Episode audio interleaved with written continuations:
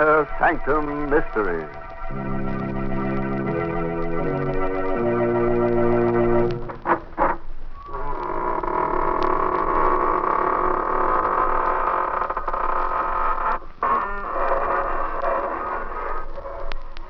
Good evening, friends of the Inner Sanctum.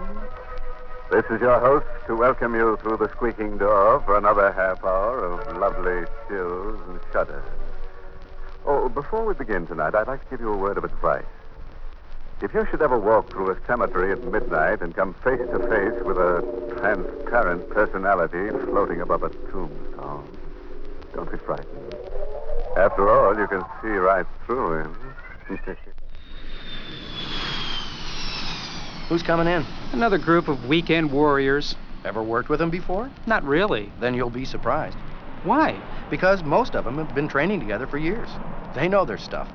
Remember McCoy? Well, he's a hard guy to forget. Yeah, he's in the reserves now. He might even be on that C-141. Really? He was pretty good. Yeah, So what do they do anyway? the reserves. Yeah. Stay ready, basically. For what? Any kind of emergency where we might get involved. Anytime we get called into action, Yeah. the reserves can get called right along with us. We're on the same mission. Is that what they're training for? Some of them. Others will be activated alongside us. That's why they train with us. All part of the team, I guess. You got it. Army, Marines, Navy, Air Force. Active duty, reserves, National Guard, and DoD civilians. United to preserve America's freedoms. The total force. As a scuba diver, I know something about being in water. But an article in Stars and Stripes described how you can get too much water inside your body. So much that your arteries can get soaked. Now, it has nothing to do with swimming. It all has to do with sodium. You see, the sodium in food is essential to your health. But when you add more sodium by salting your food, you can overdo it. And that's unhealthy. Your body demands water so it can dilute the excess sodium and eliminate it. That's why you get thirsty when you eat salty foods. The trouble is, until it's eventually released, all that water builds up in your body, soaking your blood vessels. the, uh, the extra fluid in your blood puts more pressure on your arteries. That can cause high blood pressure. Now, I'm, uh, I'm used to getting soaked, but if it happened to my arteries, it'd be dangerous. Oh, the high blood pressure is a leading cause of heart attacks and strokes. that's all right. We need to watch how much sodium we eat. Don't make too much noise or you'll wake the dead. And we don't want to do that because tonight's story is called The Undead. It's an original radio play by Milton Lewis. Yes, and our star tonight is Anne Seymour, who plays the role of Diana. I was alone here in the penthouse sleeping. The doors leading to the terrace were open. Suddenly, I was awakened by a queer, whirring noise that sounded like the flapping of wings. I opened my eyes. Moonlight filled the room. It was one of those clear, cloudless nights. But the winds moaned and howled like weeping women. Somewhere, a dog howled. I sat up, peered into the green light of the moon. See nothing at first. I lay down again. My eyes were half closed. And I heard it again. The sound of wings beating on the air. Told myself it was nothing. Until out of the queer green shadows that surrounded me like a mist, I saw a pair of blood red eyes close to my face. No, they weren't human eyes. They were rimmed with green. And they glittered like glass in the dark. I looked closer. Too frightened to move. Too terrified to cry out. The thing that seemed to be flying round my head looked like a bat. Yet it wasn't a bat. Suddenly it floated down. I felt soft fur on my neck. Then my throat was pierced with a sharp, terrible pain. I started screaming, let me go, let me go. Richard, where are you? Richard! Go on, Diana. When I felt your arms around me, I knew I was safe, Richard, but it, it was the most horrible dream I ever had. Yes, I know, I know, darling. You were hysterical. What do you think it meant? Well, nothing. Nothing, of course, dear. Everyone has nightmares like that sometime or other. But it was so vivid. I could almost swear it happened just as I told it to you. Now, Diana, do you really believe you've encountered a vampire? I know it sounds ridiculous, darling. Listen, baby, you're living in New York City on top of an 18 story building. This is 1945, not the Middle Ages. Well, the whole notion is just rubbish. I tried to tell myself it was nonsense, too. But somehow. Oh, Richard, I want to get out of this place. But why? I don't like this apartment. There's something evil, sinister here. I've, I've always felt it. And listen. Listen to that wind. The wind howl around here all the time. Well, naturally, it's a penthouse, and it catches the winds from the river. Do you hear that? Something flapping on the terrace. That's just the awning. dear. There are always queer noises around here, all the time, and I, I can't bear it being alone here at night. Richard, please, please don't let me stay here alone tonight. I can't stay with you, darling. I've got to go to the theater. I don't want you to go there, please. Let, let your understudy take the part tonight. Take me away from here, far away where it's warm and there's sunlight. Diana, you don't know what you're saying, dear. I can't give up my part in the show. Of course. Of course. Oh, darling, forgive me, please. I'm, I'm sorry I haven't mentioned it. You do forgive me, don't you, Richard? Say you do. Why, of course. You're just upset over this silly dream. I know, I know. I, I won't mention it again. You're okay, baby. Well, it's ten to eight. I'd better get going. Want to come with me? Yes. No. No, I'm going to stay here. But if this place frightens you. That's just why I'm going to stay. And alone. I'm going to beat this thing. Somehow. That's better, darling. Much better. Here's your coat. Right. And, and you better take your scarf. It, it feels chilly. Richard, Hmm? I said I won't mention it again, but there's one thing more I have to tell you that the face of that thing in my dream, it was your face.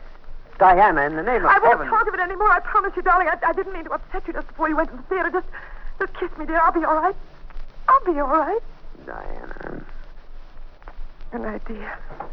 I'll be waiting when you get back.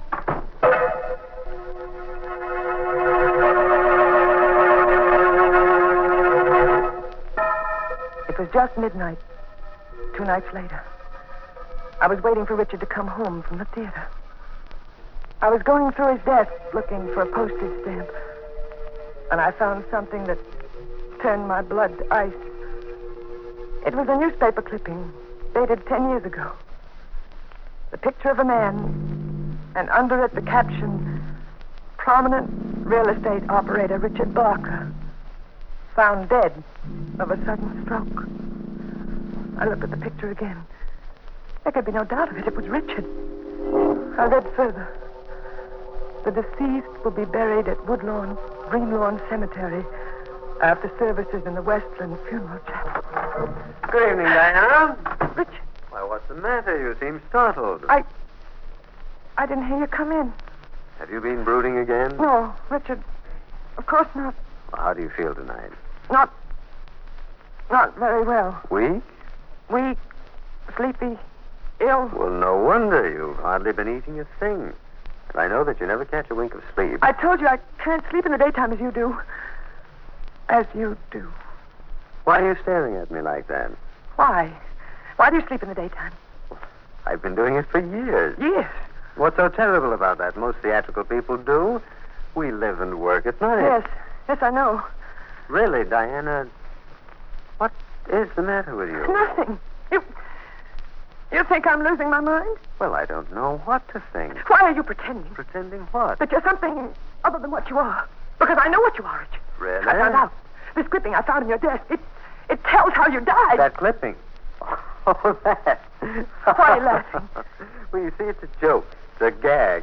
One of my pictures was sent to the papers, publicity for a new play, you know. And a drunken typester put it in the obituary column. It's quite an amusing story. I don't believe you. You're lying. Listen, you can't go on like no, this. don't, don't touch me. You're not well, darling. hands away from me. But I just want to kiss No, you. no, don't, don't, don't, don't touch me. Diana, where are you going? Out of here. Diana, come back. I'll come back when I've proved something to myself.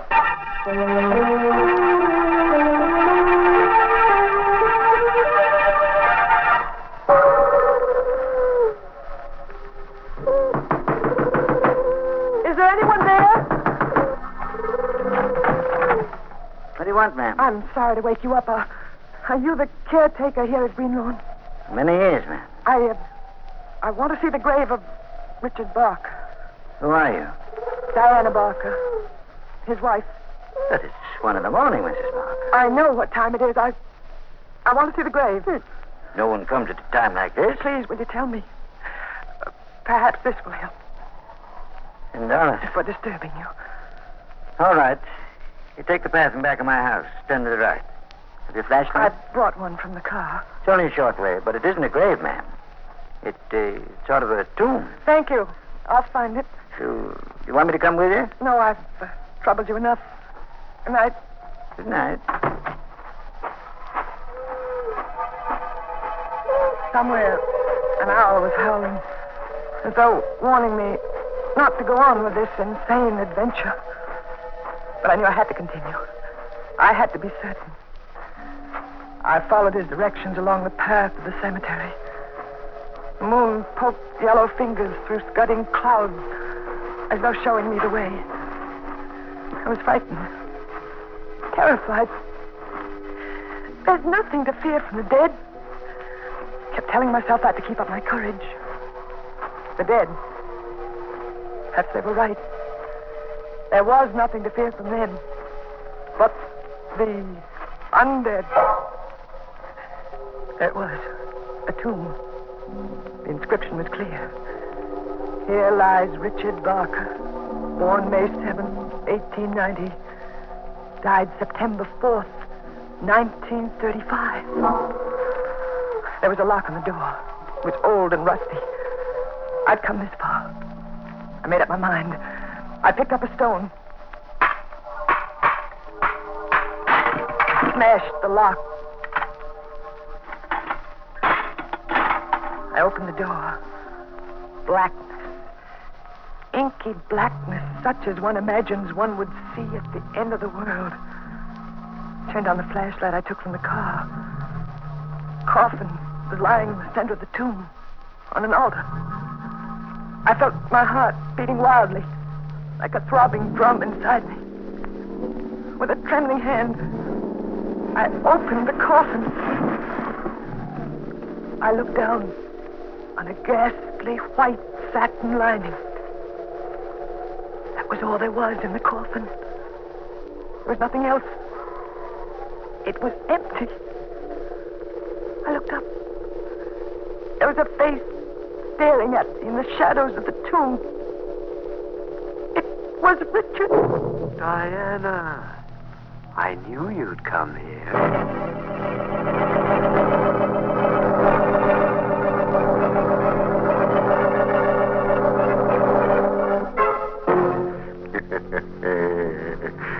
well, friends, that just goes to show that an empty coffin makes the most noise.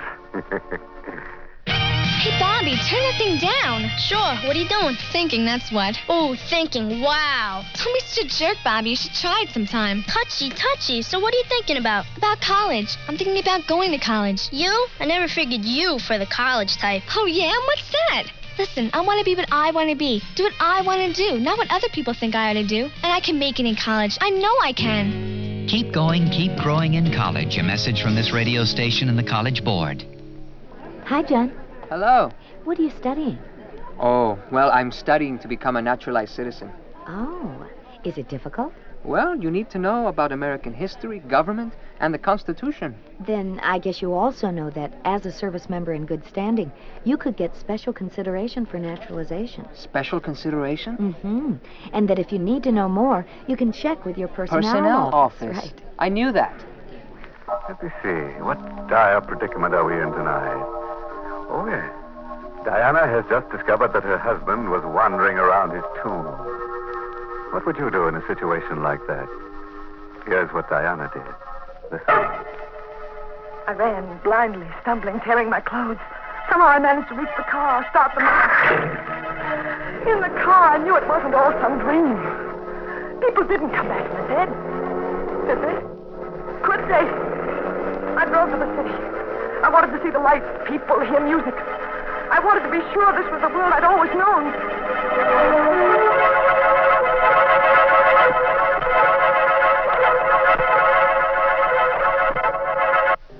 I tried to think. I, I tried to reason. I, I tried to understand what had happened to me.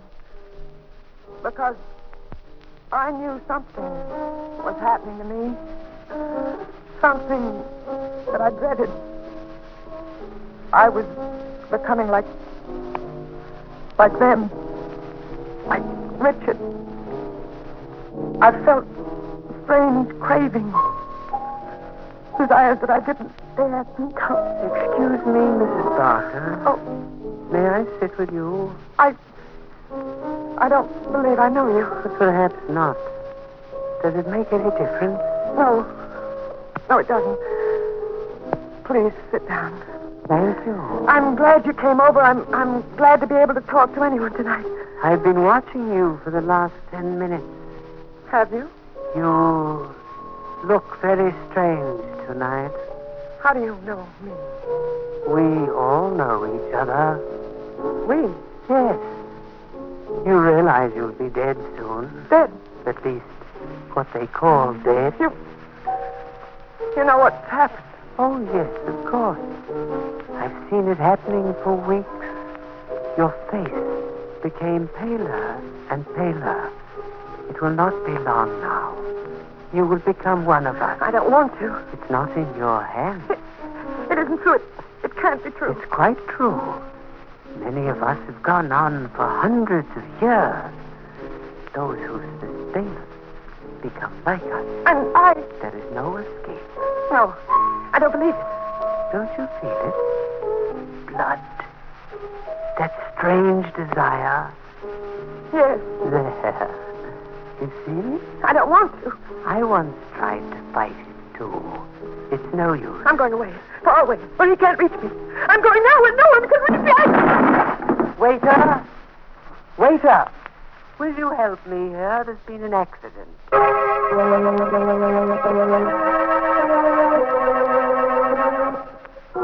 Everything is going to be all right, Diana. Just lie here and rest quietly. You're in your own home. I opened my eyes and saw Claudia, my older sister. Never was so glad to see anyone in all my life. Claudia had always helped me, always advised me. She'd know what to do. You want something to eat? No, I, I'm not hungry. But the doctor said you'd have to eat. How did I get here? You collapsed in the cocktail lounge. They brought you home. When? Last night. It's dark out. You've been sleeping almost 24 hours. Where's Richard? At the theater. Poor boy, he was so worried about you. Was he? Mm, he sent for me. I've been with you since last night. Diana, what happened? It, it's terribly difficult to explain. I, I sometimes think I'm losing my mind. I'd, I'd be sure that's what it is if I if I hadn't found out differently. Tell me about it. I, I found out Richard is dead. He's been dead for ten years. What, what are you talking about? True, Claudia. I went to Greenlawn. I saw his tomb. I opened it, and the coffin was empty. Diana. I know what you're thinking, but I'm not insane. He never sleeps at night. Now I feel this strange craving. Claudia, don't stare. You know what you're saying. Yes, I know it sounds wild, fantastic, but I, I haven't told this to anyone, but it's true. There are things in this world you only think are primitive superstitions, but Claudia, you must believe me. Yes, of course, I believe you, dear. We must destroy Richard. I've read about those things. We must destroy him by driving a wooden stake through his heart. That's the only way I can escape from him. That's the only way I can become a human being again. Diana. You, you'll help me, Claudia. Of course, dear. Haven't I always helped you? Where are you going? Just to fix you something to eat. No, no, you're going to leave me. Leave me here alone with him. I won't let you do that, Claudia. That gun. Where did you get that gun? We've always had one here. Ever since I first told Richard I was afraid of this place. You're not going to leave me alone now, Claudia. I'm not going to let you. Of course not. Get away from that door. That's what you Claudia, want. come back. No. Now you're insane. No. Gone. Insane. She was so sure I was insane, she didn't even give me a chance to explain. I was alone in the house. I felt terribly weak. I wanted to sleep. I wanted to sleep forever and ever. But I knew if I lay down and closed my eyes, I might never open them again.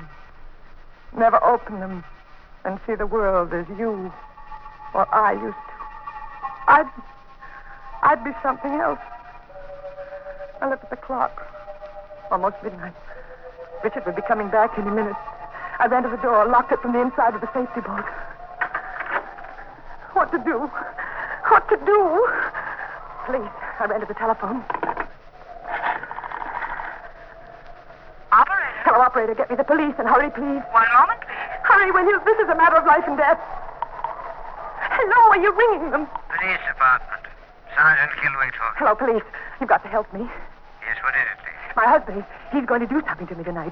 He's going to make me what he is. Uh, what's that, lady? He's been dead for ten years. I saw his empty coffin. That's proof, isn't it? That's evidence. You always want evidence, and there it is. Now, do you understand? Well, I'm, I'm not sure I do, lady. What, what's your name? Diana Barker. But all right, all right, all right. Now, calm down. Tell me where you live. I live. Oh, you think I'm insane, too, don't you? I didn't say it. You think I'm crazy, just as Claudia does. If, if you'll just give me the address, lady. Oh, what's the use? Please, lady. No one believes it. I know I'm not insane. I know it, and yet. What's that? Uh, his key in the lock.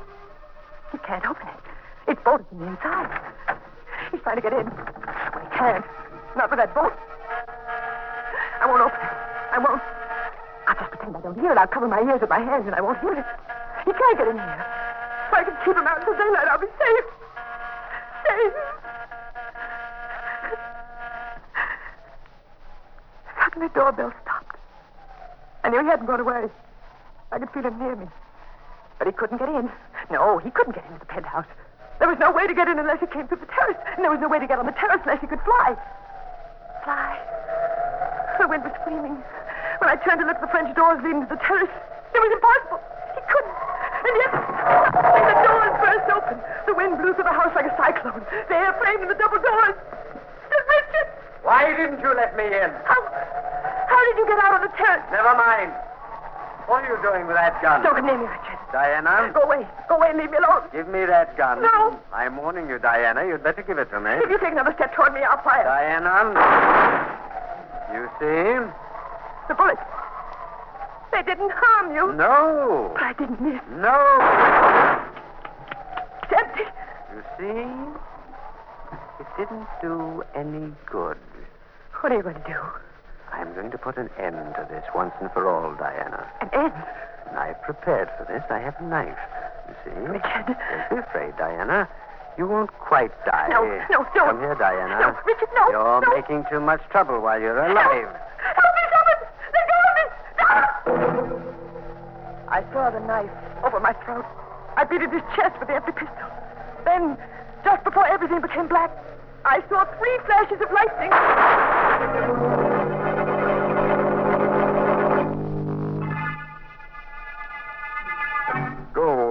Mrs. Barker. When I woke up in the hospital, Inspector, I couldn't believe that I was still alive. It, it seemed like a miracle. You would have been dead if it wasn't for your sister. Claudia. She came back with one of our men. He shot and killed your husband just as he was about to plunge the dagger into you. But how did he get in? He came over the adjoining terrace from the penthouse next door, just as your husband did. No, Mrs. Barker. Your husband didn't fly. But the other things, the, the picture, the tomb, the, the empty coffin. All props for an elaborate scheme your husband worked out to murder you. Richard Barker is not an uncommon name. He found a man with that name who died ten years ago. He removed the body. He got the whole idea from the dream you told him But why? to establish that you were insane. Oh. He planned to murder you and claim he did it in self defense to protect himself against an insane woman But the gun. filled with blanks. He wanted to get your money, Mrs. Barker. But the, the way I felt, those strange cravings. You're suffering from anemia. Your doctor told us that. It's not uncommon for anemia sufferers to feel the way you did. I still can't believe it. I, I still feel that he isn't quite dead. I'll relieve that fear right now. His body's in the other room. I think you should see it. Come this way, Mrs. Barker. There. Raise the lid of the coffin, Charlie. Yes, Inspector.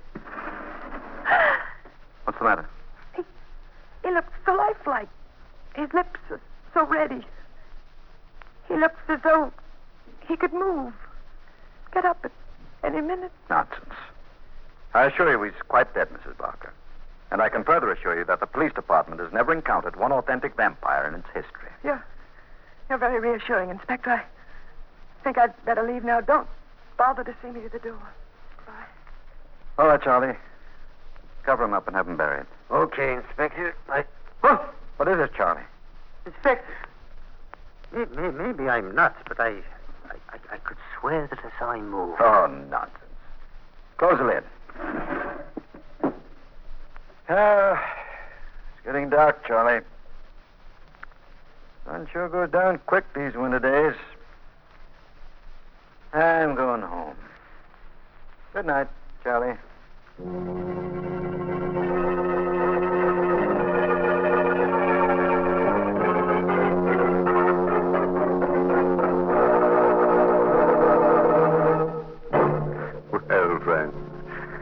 Think Richard is really dead? That's something for you to sleep on when you go to bed tonight. oh, and by the way, we have a moral for tonight's story. Yes, it's taken from the diary of Miss Delirium Tremens, who once said, Never marry a vampire. He may turn out to be 500 years old without a social security number to his name. And how can a girl have any fun going around with a guy like that? Hey, Sawyer! How about a lift? Sure, come on. Oh, I uh, have to stop by the exchange. No problem. Well, buckle up, will you? Nah, I'll pass. Oh, come on. You use seatbelts all day on base. What's so different now? Now I don't have to. Hold it. You mean you only wear seatbelts because you have to? I don't like 'em. Feel like I'm being held down. It can save your life. Sure, between here and the exchange. Hey, most accidents happen close to where we work or live. Enough already. Are we going or not? All right.